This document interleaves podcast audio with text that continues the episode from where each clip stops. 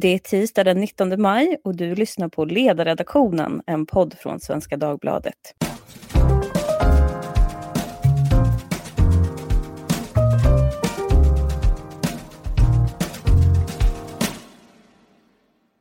Jag heter Lydia Wåhlsten och idag så ska vi prata om coronatester. För Lena Hallengren meddelade på en presskonferens idag att fler typer av sjuka människor ska coronatestas. Nu är det inte bara patienter som behöver sjukhusvård som ska testas, utan alla som söker vård och har symptom. Men samtidigt är regionerna långt från att nå målet om 100 000 tester i veckan som var uppsatt här till mitten av maj. Och frågan är varför har det gått så här långsamt? Dessutom så kan man fundera på det här med vad en ambitiös provtagningsambition egentligen är för någonting. Jag jämförde för skojs skull med Tysklands ambition och eh, om Sverige hade haft lika höga ambitioner som dem, då skulle vi ha gjort 540 000 tester varje vecka. Och min fråga då är, vad är det vi vill uppnå egentligen med de här 100 000 tester som nu ligger på bordet? Och det ska vi prata om idag. Med oss har vi Annika Linde, läkare, virolog och Sveriges statsepidemiolog mellan åren 2005 till 2013. Välkommen Annika! Tack! Det finns också Tove Fall, professor i epidemiologi vid Uppsala universitet. Hej, kul att få vara med! Och eh, Torbjörn Nilsson, politisk historieberättare som har ägnat just tester ett särskilt fokus den här veckan i ett långt Expressen-reportage. Första frågan tänkte jag att eh, ska gå till dig Annika. I en intervju med DN idag så säger du att eh, du tror att det börjar luta åt att den svenska modellen kanske inte har varit den allra smartaste i alla avseenden. Det är väldigt diplomatiskt. Men du säger då att du inte är säker på att våra nordiska grannar kommer att drabbas lika hårt som oss. Så jag tänkte att vi ska börja där och låta dig utveckla det. Ja, alltså anledningen till att jag lät mig intervjuas i DN, den är två, eller det, det finns två anledningar. Och det ena är att jag blev så Eh, väldigt arg på Johan Giesecke när han talade om att hela världen kommer att få det här viruset och eh, alla kommer att få det lika svårt som Sverige. Jag tycker att det är så, eh, vad ska vi säga, eh, killgissning, om jag får kalla det på det sättet, att, att, att, att säga på det här sättet. Och sen har jag ju sedan länge varit väldigt provocerad över det här med att man sa att i strategin ingick att platta till kurvan och att skydda de äldre. Och sen visade det sig att det fanns inget hur när det gäller att skydda de äldre och det fanns ingen kunskap när det gäller hur, eh, hur, hur, dåligt, eh, hur dåligt egentligen, eller vilka dåliga förutsättningar det egentligen fanns för att skydda dem. Och eh, det var, det var en delanledning. Sen kom den här intervjuaren in på många frågor och så som jag är så kunde jag naturligtvis inte låta bli att svara. Men en viktig sak tycker jag det är teststrategin eftersom den används i så himla många länder för att faktiskt hålla koll på vad som händer, för att veta var smittan finns och för att kunna släcka bränder när man som till exempel i Norge, Danmark, Korea och på andra ställen har stängt ner eller Tyskland. Då använder man sedan teststrategin för att se till att man identifierar var virus finns och att man vidtar åtgärder där. Och jag tycker att det låter ganska smart om, om jag får säga vad jag tycker. För du sa ju då att du inte är säker på att våra nordiska grannar kommer drabbas lika hårt, apropå det här med Gieseckes uttalande att alla kommer förr eller senare få det. Vad är det som talar för att, eh, att det faktiskt kommer kunna gå att spåra och trycka ner smittan så här? Ja, dels är det utvecklingen i Korea där de visserligen av och till larmar de och säger lite grann att nej men nu verkar det poppa upp igen och även i Kina, jag menar där kan man inte fullständigt lita på rapporteringen. Men jag tror att man, hade man fått jättestora utbrott så hade vi nog hört det. Och sen, och sen är det då eh, detta med att eh, man faktiskt har haft tid på sig i våra grannländer att förbereda sig ordentligt för hur man ska göra för att identifiera smitta och eh, hur man ska testa och så vidare. Och det fick, vi fick ju aldrig tid att förbereda oss ordentligt i Sverige. Det, det satt igång med, med en större fart kanske än vad man hade, hade räknat med. Och plötsligt var vården överbelastad och vi hade väldigt mycket att göra. Och, och, eh, och det, jag tror att det ibland kan vara bra att vinna tid för att kunna utarbeta en bra strategi. Sen är det mycket som jag tycker är jättebra med den svenska strategin. Till exempel att jag fritt får röra mig utomhus fastän jag är, fastän jag är isolerad och, och att barn får gå i skolan och sånt där. Jag tror egentligen inte att det, att det, är, det, att det det jag är kritisk emot utan, utan det är mera hur man, hur man inte kunde klara av just detta man lovade att, att skydda de äldre och hur man nu eh, fortsätter att testa som någon sorts jag vet inte, någon sorts epidemiologisk utvärdering där svaren kommer en eller två veckor senare att vid det datumet hade så många utav de som jobbar i Stockholm viruset. Men jag ser ju att det man samlar in med testning det ska vara data for action. Det ska vara data som ska kunna användas för att vi ska kunna hantera pandemin och för att människor ska kunna hantera sin vardag. Jag tänkte att vi ska gå in på det. Men innan, eh, en sak som du säger då, det är att du har sett att det här handlar om klustersmitta och inte då liksom en, en allmän smittspridning och att det kan vara förklaringen till att Folkhälsomyndigheten har agerat som de gör. Vad är skillnaden på de där två typerna av smittor? Nej men klustersmitta, då dyker smittan upp på ett ställe. I Stockholm började den i Järva, eller eh, där hade man i alla fall väldigt stor utbrott i Järva Järva och, och sen så vandrade det runt på olika ställen och försvinner på ett ställe och dyker upp på ett nytt ställe. Och det betyder att man kan lägga fokus på eh, på, på vissa ställen och vi har ju en fantastisk, ja vi har fantastisk vård överhuvudtaget egentligen och fantastisk vårdpersonal. Men vi har också en fantastisk smittskyddsorganisation som eh, finns i varje region i Sverige. Och de kan göra väldigt mycket, hålla reda på vad som händer inom sin region och de har ju makt att stänga ner olika verksamheter och sådär om det skulle behövas. Så jag tror kanske att man inte skulle ha en så generaliserad strategi utan mera kanske en allmän, eh, en allmän liten nedstängning men sen mer en lokal strategi där man gick ut mycket hårdare.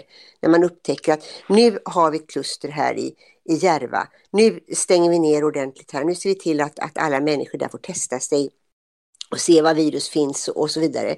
Och, den, och, och, eh, och sedan så tror jag också på de här norska smittspårningsapparna, eller de, de kommer ju finnas inte bara i Norge utan i många andra länder, att de kan hjälpa en att veta om man eventuellt har utsatts för smitta, om man eventuellt ska vara försiktig ett tag med kontakter och kanske låta testa sig. Och även de här smittspårningsapparna har det ju funnits en skepsis till, ganska uttalat från Folkhälsomyndighetens sida och den typen av tjänst som skulle utvecklas då tillsammans med MSB, den har man ju för tillfället helt och hållet stängt eh, och inte inte jobbar på, som jag tolkar i alla fall.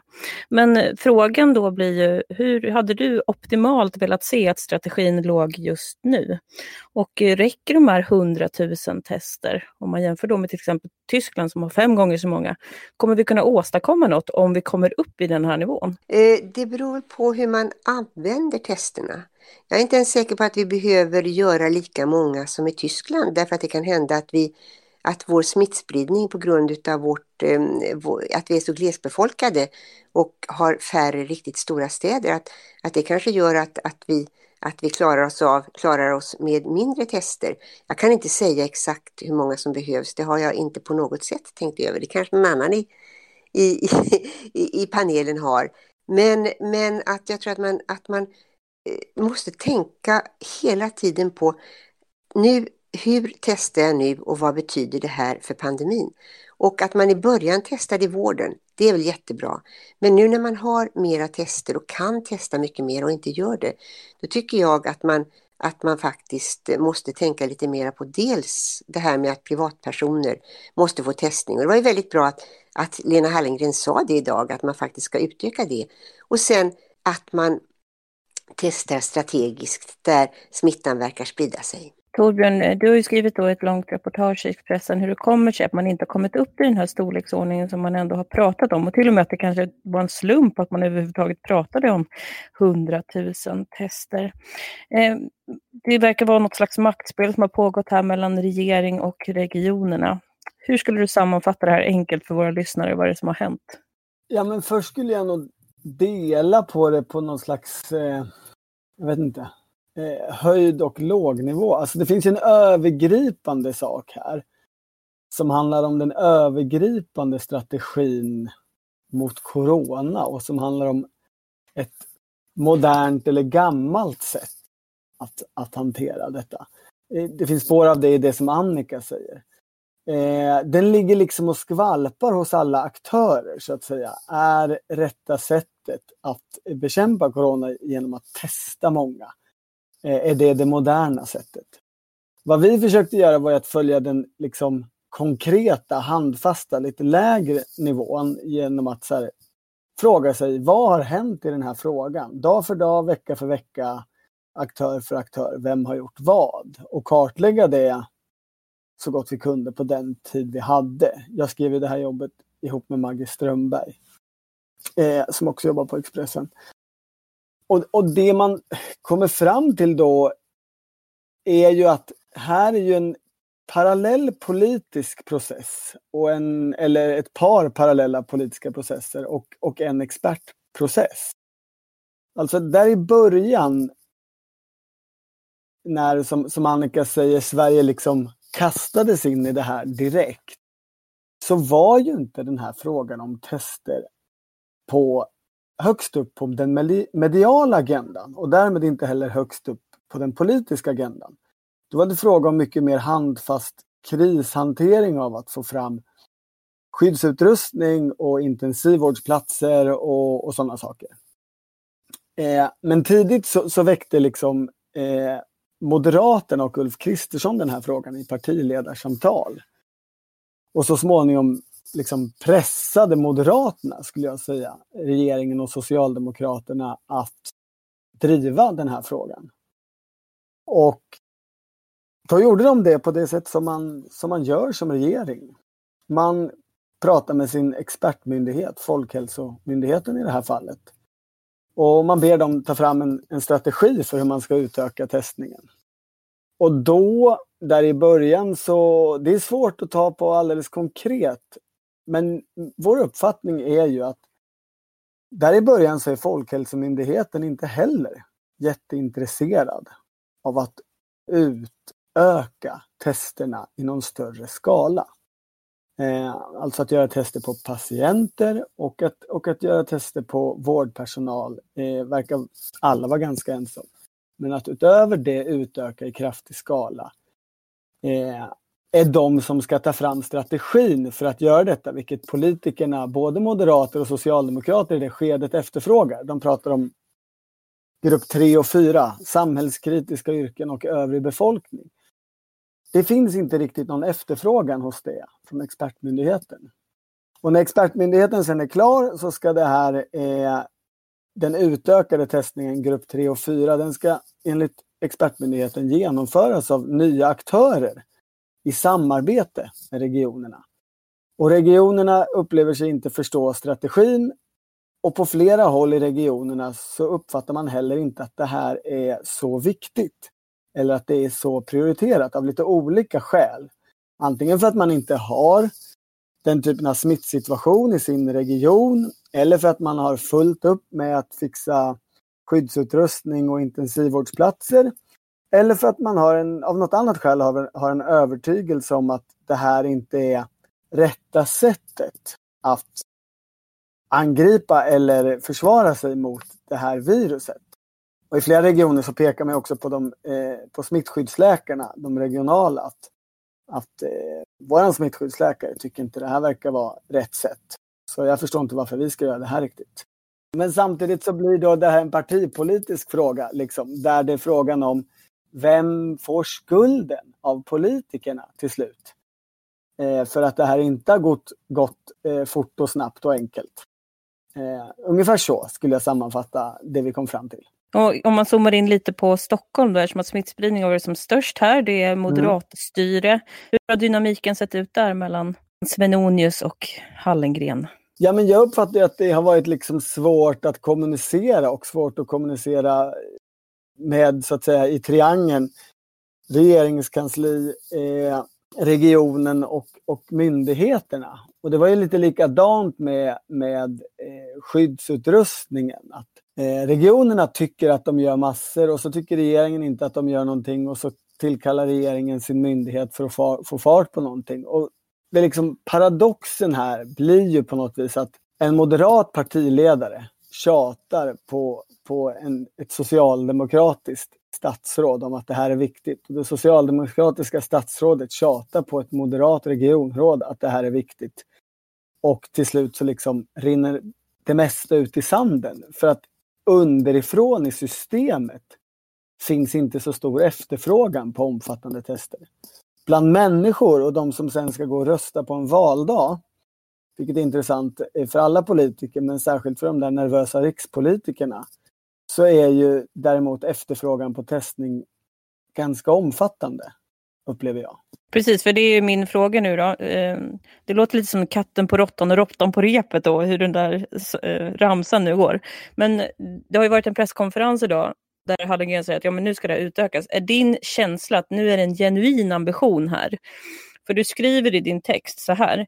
Politik är inte vetenskap. Demokratin har väljare att ta hänsyn till. Många människor önskar att få testa sig. Ibland är det komplicerade, så enkelt.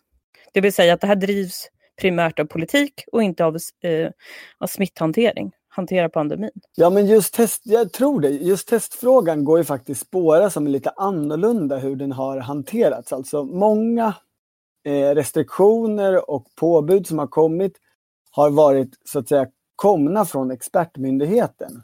Folkhälsomyndigheten har sagt nu behöver X göras och så har regeringen satt sig ner och fattat det beslutet och sen kommunicerat det. Eh, det här var ju en sak som drevs fram, ett initiativ som togs av regeringen efter att den hade blivit på, eh, fått påstötningar från Moderaterna. Men jag uppfattar att om jag liksom jag uppfattar inifrån socialdepartementet och regeringskansliet och hur jag hör Lena Hallengren prata om det här under tiden att ganska snart så driver hon med viss övertygelse att grupp 3 och 4, eh, alltså en ganska omfattande utökad testning, ska testas. Och att, hon, att, att exakt avdöma om det är för att hon ska slippa få skäll från Ulf Kristersson eller för att hon själv tycker innerligt och tror på det.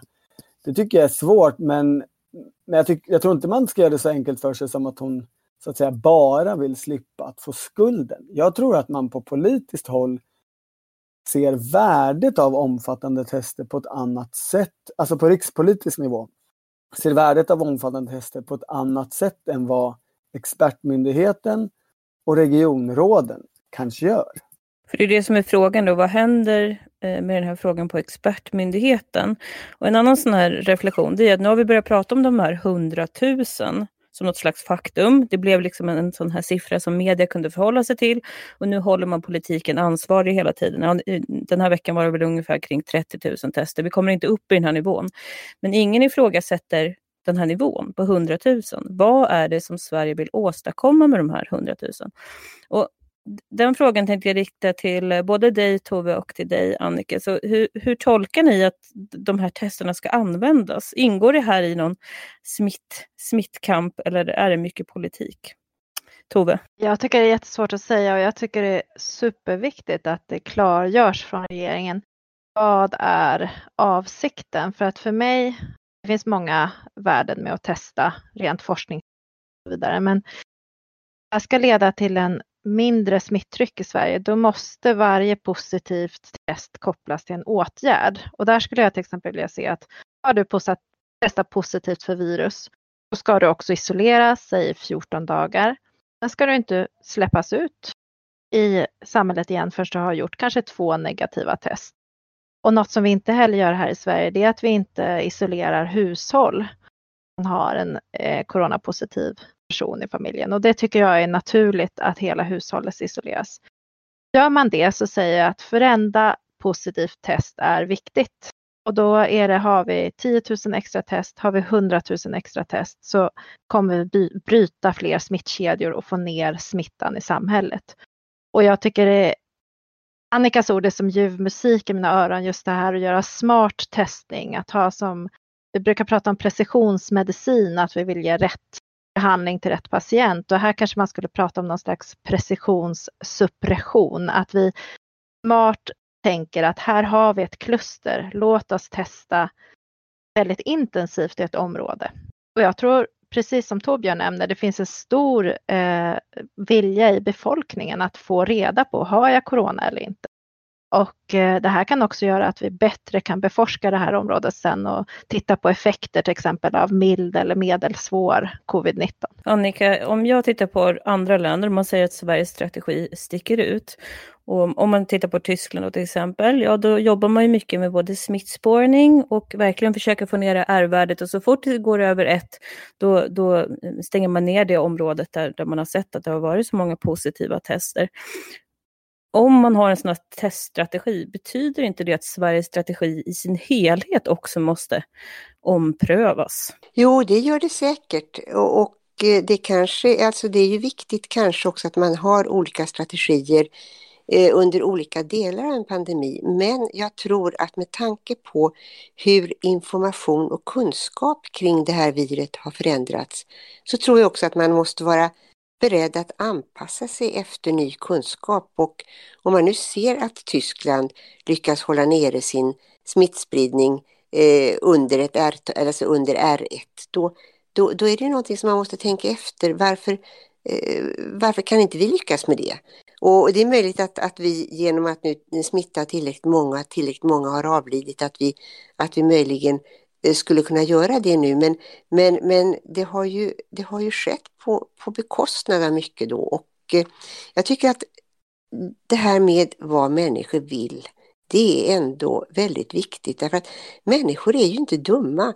En människa som vet att den har haft, att den har haft det här viruset och eh, sen blivit frisk eh, kan ju möjligen anpassa sin livsföring efter det och om vi får väldigt många som vet att de har haft virus och varit friska, då, då blir det möjligt med ett öppnare samhälle för dem. Och eh, i Danmark så ska ju nu de äldre få krama sina barnbarn. Jag har ju väldigt, eftersom jag är äldre och har barnbarn, har jag väldigt många på Facebook som, som sörjer så oerhört över att de inte får krama sina barnbarn.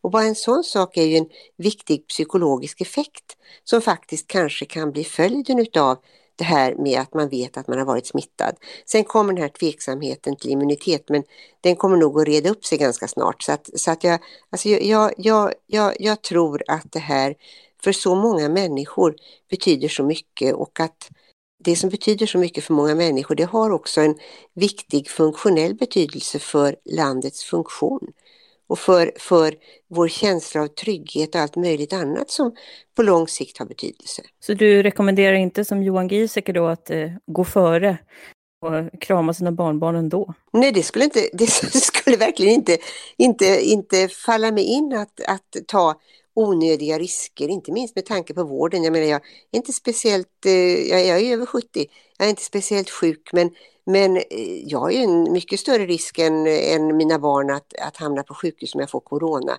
Och med tanke på hur de har det på vården och jag, eh, jag har anhöriga inom vården så vet jag att, att det är jättejobbigt för dem och det är psykiskt jobbigt för dem. Och varje onödigt fall är ett onödigt fall som, som, som, som, kommer, att, som kommer att belasta. Och det, det är helt uppenbart och där tycker jag ju att Sverige trots allt gör rätt när det gäller de äldre och andra, att vi är frivilligt isolerade.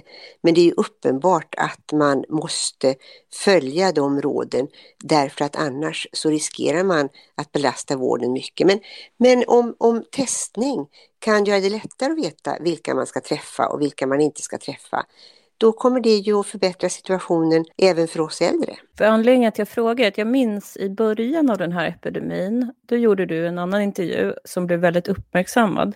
För att du då sa att du tänkte att jo, men det verkar som att man har en strategi om flockimmunitet. Och där har det blivit lite som ett spöke över svensk strategi, att man säger att det är en effekt av strategin, men det är inte en del av strategin på något sätt. Och igår så såg jag Anders Tegnell intervjuas i BBCs Hard Talk, som är ett ganska tufft utfrågningsprogram. Och när han kommer tillbaka till det här med dödstalen, då säger han att jo, jo, visserligen har våra grannländer mycket lägre dödstal, men vi har antagligen en högre immunitet. Vi räknar ändå hem den här immuniteten som en styrka med den svenska strategin, samtidigt som vi inte säger att det är en del av strategin. Hur ska man förstå det där idag? Men då måste vi kunna utnyttja den också och det är lite grann på en personlig nivå. Va?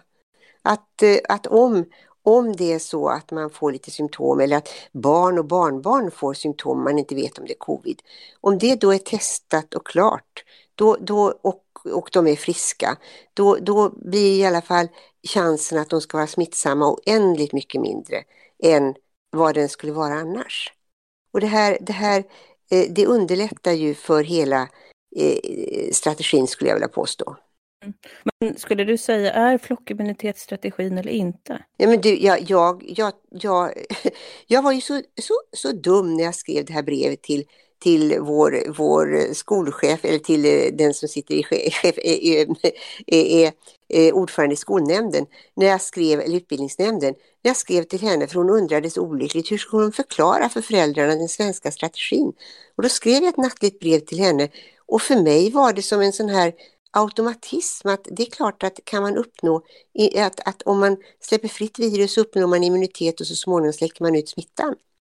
Och det är det det bygger på när man säger att till exempel en, en influensasmitta varar under en, en två, tre månader att därefter så, så är de lättillgängliga offren immuna och då, och, då, och då stoppar det. Så för mig var det bara en självklarhet och jag hade ingen aning om att det skulle på något sätt eh, eh, bli någon diskussion om det på Folkhälsomyndigheten eller inte för att jag kunde inte förstå strategin att släppa lös virus och platta ut kurvan istället för att trycka ner det helt och hållet på annat sätt än att det var flockimmunitet man eftersträvade. Nu i efterskott har jag förstått lite grann att det också kan ha varit det här med det öppna samhället, behovet av att inte släcka ner ekonomin och eh, helt och hållet och på det viset på något sätt bevara eh, Eh, andra delar av folkhälsan.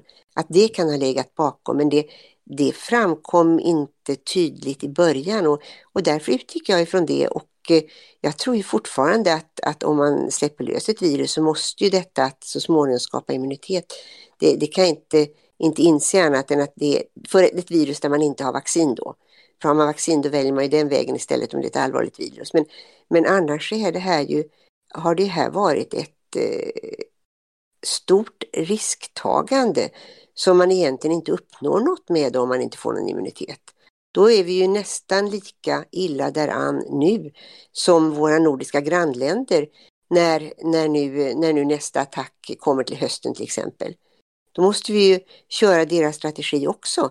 Om vi inte tror att, att den här immuniteten vi uppnår, eh, uppnår kan vara någonting att hänga i julgran. Nu fanns ju data igår att eh, det var 15 procent, trodde Joakim Dillner, eh, i Stockholm som var immuna. Eh, men det är Stockholm och där vi har haft en, en ganska, och det var för några veckor, någon, någon vecka sedan också, de tog proverna, det är alltid en viss eftersläpning. Men det är Stockholm där vi haft en relativt ordentlig smittspridning där vi ändå inte har nått högre. Och det betyder ju att eh, skillnaden mellan de som inte har något alls och de som har 15 procent, den kanske inte är så rasande stor när hösten kommer och då har vi inte vunnit så himla mycket. Vi ska ju få besked då den här veckan. De här immunitetstesterna ska komma från Folkhälsomyndigheten. En sak som slår mig när du pratar om det här med den bredare folkhälsan, jag gör väl eh, samma analys där, att man, har, man pratar ju ofta om värdet av det öppna samhället och Johan Carlsson belyser just det här som det hållbara i svensk strategi, att vi har inte stängt skolor och hade vi gjort det hade det haft jättestor negativ effekt då på barnen. Men där är väl verkligen en sån där frågorna där man hade velat sett något slags underlag. Vad är det för typer av beräkningar man har gjort då mm, på den här bredare folkhälsan eller är det bara antaganden? det, apropå det demokratiska så, så kan jag i alla fall känna att det skulle man gärna vilja ha något. Det ska du verkligen inte fråga mig om, men jag kan säga att det där med, de har visat faktiskt att små barn, in, eller att barnen inte är motorn i smittspridning vad jag förstår i någon högre grad. Och jag kan säga att eh, förfärligt många barn hade nog farit ganska så illa vid skolstängning och mödrar upp till alltså nionde klass då och mödrar hade inte kunnat arbeta. Det hade kunnat bli en, ett bakslag för jämställdhet och alltihopa. Alltså jag tror inte att, att, skol, att skolstängningen har varit det, så att man inte stängde skolorna. Jag tror inte att det är det som har varit avgörande, utan det är mera hur, hur eh, den, den eh, mellanåldersgenerationen som inte har karantäniserats, hur den har fått träffas, tror jag har större betydelse än skolstängningen. Om, om ett barn hade kommit hem med smitta till en förälder till exempel och föräldern inte hade träffat en massa kompisar och sådär, då, då, då hade man ju inte då hade man inte fått någon vidare spridning i den generationen därifrån. Immuniteten i Stockholm, Tove, är du övertygad? Tom Britton sa att är den under 10 procent, då måste vi lägga om strategin. Nej, jag bara tycker, när man tittar på den där Stockholmsstudien så handlar det ju om människor i arbetsför ålder, så det säger ju ingenting om personer som är över 65 då kanske, eller 67 eh, där vi förväntar oss en lägre andel smitta hos de som har följt rekommendationerna. Och sen är det väl så att man ändå tror att personer som har jobbat på ett sjukhus kanske har lite ökad risk för covid-19 jämfört med till exempel mig som tjänsteman som har suttit i hemmet och arbetat. Så att de där 15 procenten är väl, tar jag med en nypa salt hur mycket man kan extrapolera det till hela Stockholms befolkning. Ja, jag har funderat på det också. Det gör det ju ännu lite mer deprimerande. Men vad drar ni för slutsatser nu när de här siffrorna ska komma? Vad kommer det innebära för Folkhälsomyndighetens sida? Annika, du som har jobbat där, så vi säger då att siffran är kring de här, den här häraden, 10-13 procent kanske, Stockholm. Ja, det innebär ju att man måste förbereda sig på att vi eh, kommer att kunna ha en kontinuerlig smittspridning eh, som är ganska stark eller att, att, att det finns förutsättningar för det. Eller att det kanske på grund av klimat och annat dämpas över sommaren men att det kommer tillbaka över hösten. Och att vi då är nästan lika illa, ut, illa ute som våra grannländer och då kommer det innebära, tycker jag, att man måste se om strategin och just försöka med den här test brandsläckningsstrategin som som jag tror, som jag tycker verkar kunna ha förutsättningar att lyckas ändå. Jag tolkar det som att man får ner smittspridningen rejält för att, att säga reboota systemet och kunna börja om och börja smittspåra och sådär. Eh, Tove, är det det vi ser framför oss om vi kommer behöva göra en strategiomläggning? Det är klart att om man kunde säga att nu tar vi, alla måste vara hemma två veckor eller fyra veckor och sådär, då skulle man ju få ner smitttrycket ganska snabbt eftersom då överstiger det inkubationstiden. Men jag ser också goda möjligheter, precis som Annika, att om vi kan få upp den här testningen i befolkningen. Alla som har symptom får chans till ett test. Alla med positivt test sätts i rejäl karantän. Kommer vi nog med de förutsättningar vi har i Sverige med glesbefolkat och ändå den sociala distansering vi gör idag, tror jag att vi kommer det är min förhoppning och tro är att vi kommer få ner smittan rejält. Men hur mycket är jättesvårt för mig att säga, men det kan man försöka räkna på. Och eh, får vi en väldigt utbredd testning där man till exempel utvecklar ett hemtest för att påvisa virus, alltså inte bara antikroppar utan även virus. Om folk skulle kunna ha tillgängliga hemma så skulle man kunna lyckas ännu bättre. Och det finns prototyper på sånt, men det behövs satsas på att utvecklas. Om man tittar på siffrorna som presenteras eh, dag för dag så ligger ju dödsfallen nu omkring 70-75 per dag, men man säger att det är färre som blir inskrivna på IVA och att smittspridningen generellt går ner. Eh, det var några dagar sedan, då sa man att det här R-värdet var under ett. Samtidigt så tolkar jag det som att man vill ha en viss smittspridning, eller det har man sagt i alla fall. Hur tolkar ni det där? Vill vi ha R-värdet under ett i Sverige? Annika? Jag kan säga att jag definitivt vill ha ett så lågt R-värde som möjligt därför att det betyder att vården får det så bra som möjligt, att gamla människor slipper att dö och så vidare. Och det kommer att ge oss en respit att tänka efter och en respit att ladda upp ordentligt med de här testerna som både Tove och jag tycker känns så jätteviktiga. Så att vi sen har instrument att hålla smittspridningen stången så småningom. Och, Eh, det kommer att innebära eh, viss restriktion för till exempel smittade människor hemma 14 dagar eller vad det kan vara för någonting. Men jag tror att det kommer att vara värt det. Och eh, jag tror, jag tror att hela samhället kommer, man kommer ju börja våga att fungera normalt i samhället på ett helt annat sätt. Om man, för de som inte då testar, testar positivt, om man, om man följer den här strategin. Eh, och jag tror inte minst att man kommer att minska dödstalen högst avsevärt. Så att naturligtvis ska R-värdet ner. Eh, det går, inte nu att, det går inte nu att på något sätt säga att nej, vi måste sprida ännu mera för att vi måste ha flockimmunitet. Eh, ut med de äldre 70-åringarna, de måste smittas, vi måste ha flockimmunitet. Det, det funkar inte. Eh, jag fick faktiskt en sån fråga från en läsare. Att, ja, men varför kan vi inte göra en medveten smittspridning då? Att man får gå till läkaren. 60 procent av svenska folket får helt enkelt lomma iväg och bli injicerade med lite virus. Så att vi kommer till den här punkten snabbare om det är dit vi tänker att vi ska nå. Men Tove, du har ju egentligen resonerat omvänt. Att det är först när vi har en utbredd testning som vi kan få koll på vårt R-värde och först då kunna använda det som någon slags styrinstrument. Mm, jag tycker att de här R-värdesberäkningarna är skakiga för att det är så olika olika veckor vilka som har fått tillgång till tester. Så många positiva tester vi har i Sverige idag är framförallt beroende på vilka som testas, inte så mycket vilka som är sjuka. Jag känner mig osäker baserat på de här R-värdesberäkningarna.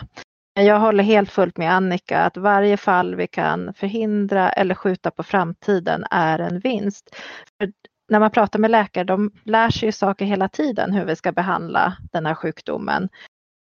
Eh, det kan komma nya läkemedel, det kan komma nya andra former att behandla. Så att om vi kan skjuta upp de här fallen på framtiden så varje fall som vi skjuter upp är en vinst. Och just också, tänk er nu i Norge, de eh, kan köra sin sjukvård i stort sett normalt medan i Sverige har vi enorma undanträngningseffekter av personer som inte får vård i tid för sina andra sjukdomar.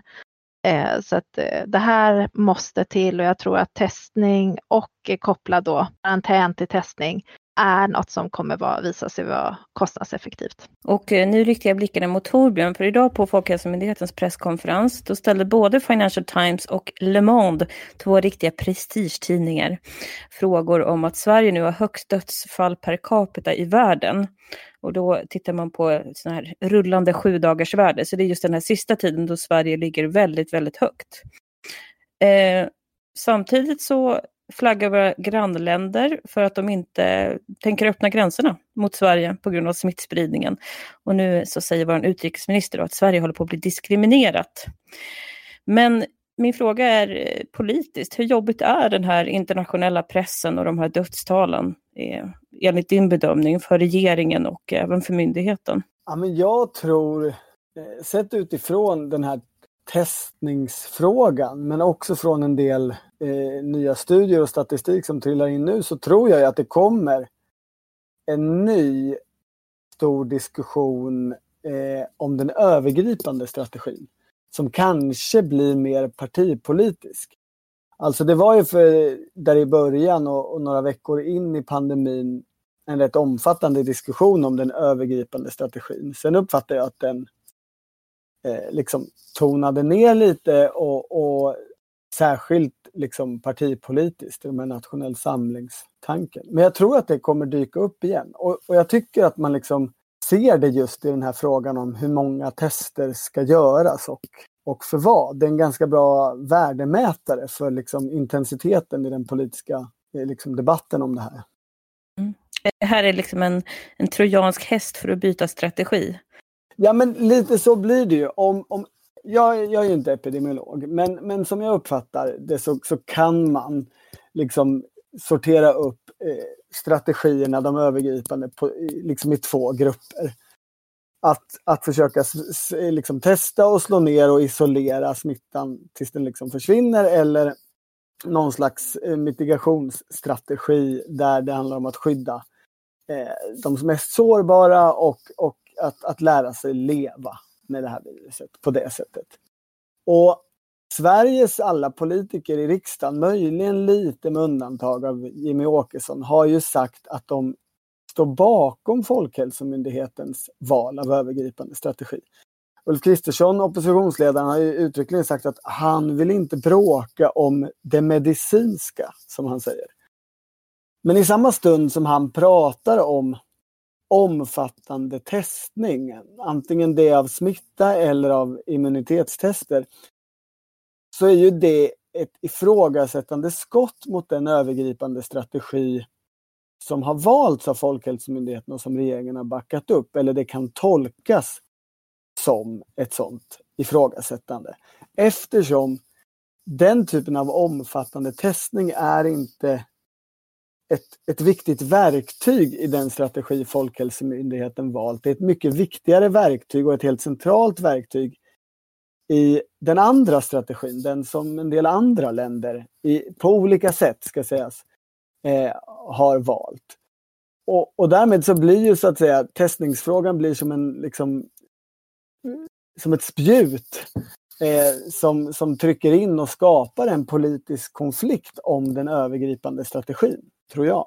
Döds, dödstalen, de jobbiga för regeringen eller är det liksom, där kan man räkna hem?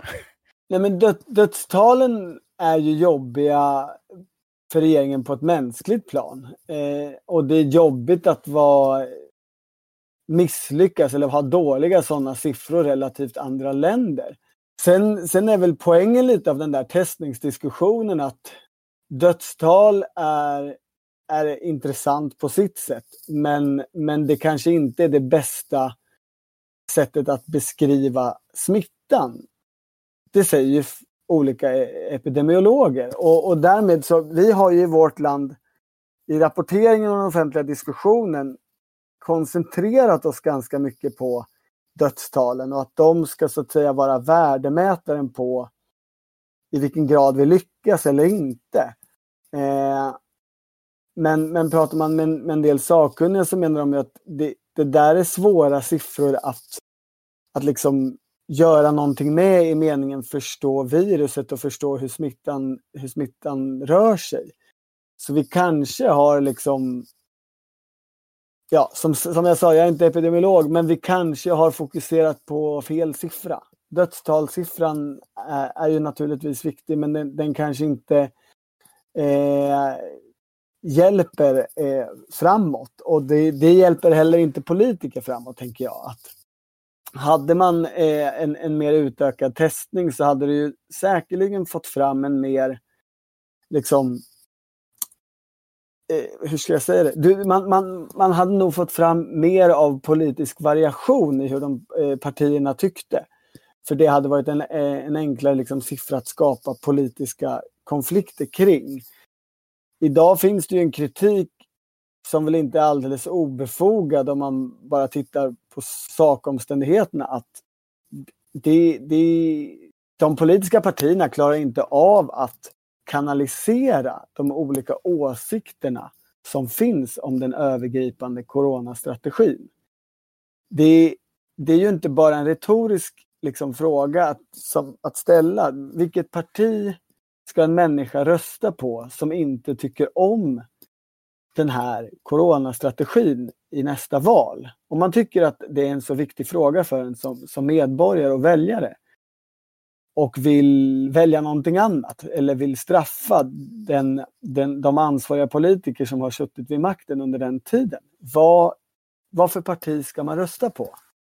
Eh, som det är nu i, de parti, i partierna så, så finns det inte något riktigt parti som, som utövar en riktig opposition mot den övergripande strategin. Det skulle väl vara kanske att Moderaterna och även Kristdemokraterna har ju börjat flukta på det här med testning och sådär. Det, är väl, det är väl någon slags testballong för att se om det finns någon, någon typ av opposition att, att alls driva här. En sån här sak som jag funderar på, eh, som kanske Annika kan svara på, när man har surrat sig så här hårt vid en strategisk mast, alltså jag menar, Anders Tegnell är i princip alla internationella medier. Vi har ett litet gäng med epidemiologer som uttalar sig liksom väldigt konsekvent och även jobbar för Folkhälsomyndigheten. Hit räknar jag till exempel både Jan Albert, Johan Giesecke och Tegnell som är överallt i princip. Jag tror att alla svenskar kan argumenten, det vill säga att det kommer komma en andra våg, andra länder kommer drabbas mycket hårdare. Kan man ställa om som myndighet med samma människor vid rodret? Skulle det gå att göra det när du var chef till exempel, Annika? Ja, när jag var chef så var det faktiskt så att det var Anders Tegnell som bestämde. Eh, då, hade, då, låg ju, då låg ju strategierna avseende smittskydd på Socialstyrelsen och inte på Folkhälsomyndigheten. Så att som statsepidemiolog hade jag bara ansvar för epidemiologisk övervakning. Och jag kan säga att det för mig då var väldigt viktigt att samla in data som underlag för handling, inte för no no någonting annat egentligen, utan att vi, vi, ska, vi, ska, vi ska kunna agera med utgångspunkt från de data vi samlar in. Och sen ska de vara hållbara för forskningsarbete så småningom. Men det viktiga är att man kan agera efter dessa data. Och eh, eh jag, jag känner mig osäker på om jag kan svara på din fråga, men, men som det har varit hittills så har de ju faktiskt, eh, vad ska jag säga, hela tiden varit eh, flexibla och sagt ungefär att ja, utvecklingen var en annan än vad vi trodde. Eh, och, eh, eh omsorgen klarade inte av att hålla smittan ute men, men, men eh, vi, vi får försöka att gå vidare ändå. Så där. Jag, jag, jag, jag eh, tror kanske på något sätt att de successivt kan modifiera sina strategier och ändå sitta kvar. Det, det, det här är en, en, väldigt osäker bedömning från min sida men, men, men det, tror jag, det tror jag kanske att de kan göra. Men, men sen vet jag inte då att den eh, politiska debatten är ju eh, ännu mer polariserad och där, där gäller det ju att få röster och sånt där så att, så att eh, där tror jag att det kan vara svårare att tvingas pröva om än kanske för myndigheten. Myndigheten kan ju faktiskt säga att ja, vi utgick ifrån att det såg ut på det här och det här sättet. Sen visade det sig att det inte gjorde det och, och nu, nu gör vi därför på ett annat sätt. Eh, för att det kan man ju säga att eh, data var väldigt svajiga i början när man bestämde strategi. Så att, eh, att det skulle utveckla sig på det här sättet och att de länder som stängde ner i tid helt och hållet skulle gå så bra och så vidare. Det, det kunde man inte veta då så att, så att ja, möjligt att de kan, att de kan eh, svänga om. Men jag är, jag är, som när det gäller så mycket annat så, så är jag inte tvärsäker. Man har helt enkelt eh, varit duktig på att omformulera sin strategi i takt med att nya data kommit in. Och då för bara någon vecka sedan kom det in då att ehm, um, IFR-ration, alltså andelen som dör då, som har blivit smittade var 0,6, vilket var betydligt högre än vad man hade räknat med. Um, Torbjörn, du ska få svara på det, men Tove, vad tror du kort? Tror du att man kan byta strategi utan att byta folk? Jättesvårt för mig att säga, men jag hoppas att eh, vi har så bra ledarskap i det här landet så att vi kan vara så prestigelösa och säga att nu har det kommit fram ny vetenskap. Nu lägger vi om strategin och eh, tillsammans kan vi klara av den här epidemin på ett smart sätt. Torbjörn, du sitter på facit. Har vi så smart ledarskap? Du menar det politiska ledarskapet? Jag, jag, jag tror att är... Jag, jag, jag, ser inte stora personförändringar eh, framför mig. Det gör jag inte. Om det krävs eller inte, det är nog mer en, en normativ fråga. Eh, eh, men jag, jag, jag, tror inte man gör så. Jag tror att man... Eh, behövs det ändras så tror jag man försöker göra det med eh, minsta politiska smärta. Eh, och ändå ändrar. Det börjar bli dags att avsluta, men jag hade en sista fråga till Annika och det är ju apropå var du började någonstans med att skälet till att du faktiskt gick ut nu DN och sådär är delvis för att du har tyckt att det har varit lite killgissande från eh, Johan Giesekes sida. Så då är frågan om vi får ha nöjet att ha med dig i podden fler gånger eller om du kommer ställa upp i fler intervjuer här framöver. Det beror på om det är någonting som jag har kompetens för. Jag, jag, jag ställer gärna upp, eh, framförallt tycker jag i sådana här sammanhang där man får resonera och diskutera. För att det, gör just, det ger just möjlighet att ge grund för att det kan finnas osäkerheter och verkligen förklara eh, varför man tror si eller så och varför det finns varför det kan finnas olika inställningar till olika saker. Så att på, på sånt här ställer jag gärna upp. Jag är mera skeptisk till korta intervjuer på tv och sånt för det blir, det blir ofta alldeles för kort för att man ska kunna bli begriplig. Vad kul. Det är många som säger det faktiskt som har varit med i podden eh, som är i gebitet. Att det behövs lite tid för att kunna utveckla de här resonemangen. Vi hade en jättespännande podd här förra veckan som jag kan tipsa lyssnarna om också om ni har missat den. Som med eh, Lina Lund som är korrespondent från Berlin eh, på DN som pratade just om Tysklands strategi. Eh, med det hörni så får jag säga stort tack till er. Annika Linde, Sveriges tidigare statsepidemiolog, Tove Fall, eh, professor i epidemiologi från Uppsala universitet och Torbjörn Nilsson, Sveriges egen politiska historieuttolkare. Har ni frågor om dagens podd eller tips på ämnen så hör ni av er som vanligt till ledarsidan svd.se. Tack för idag!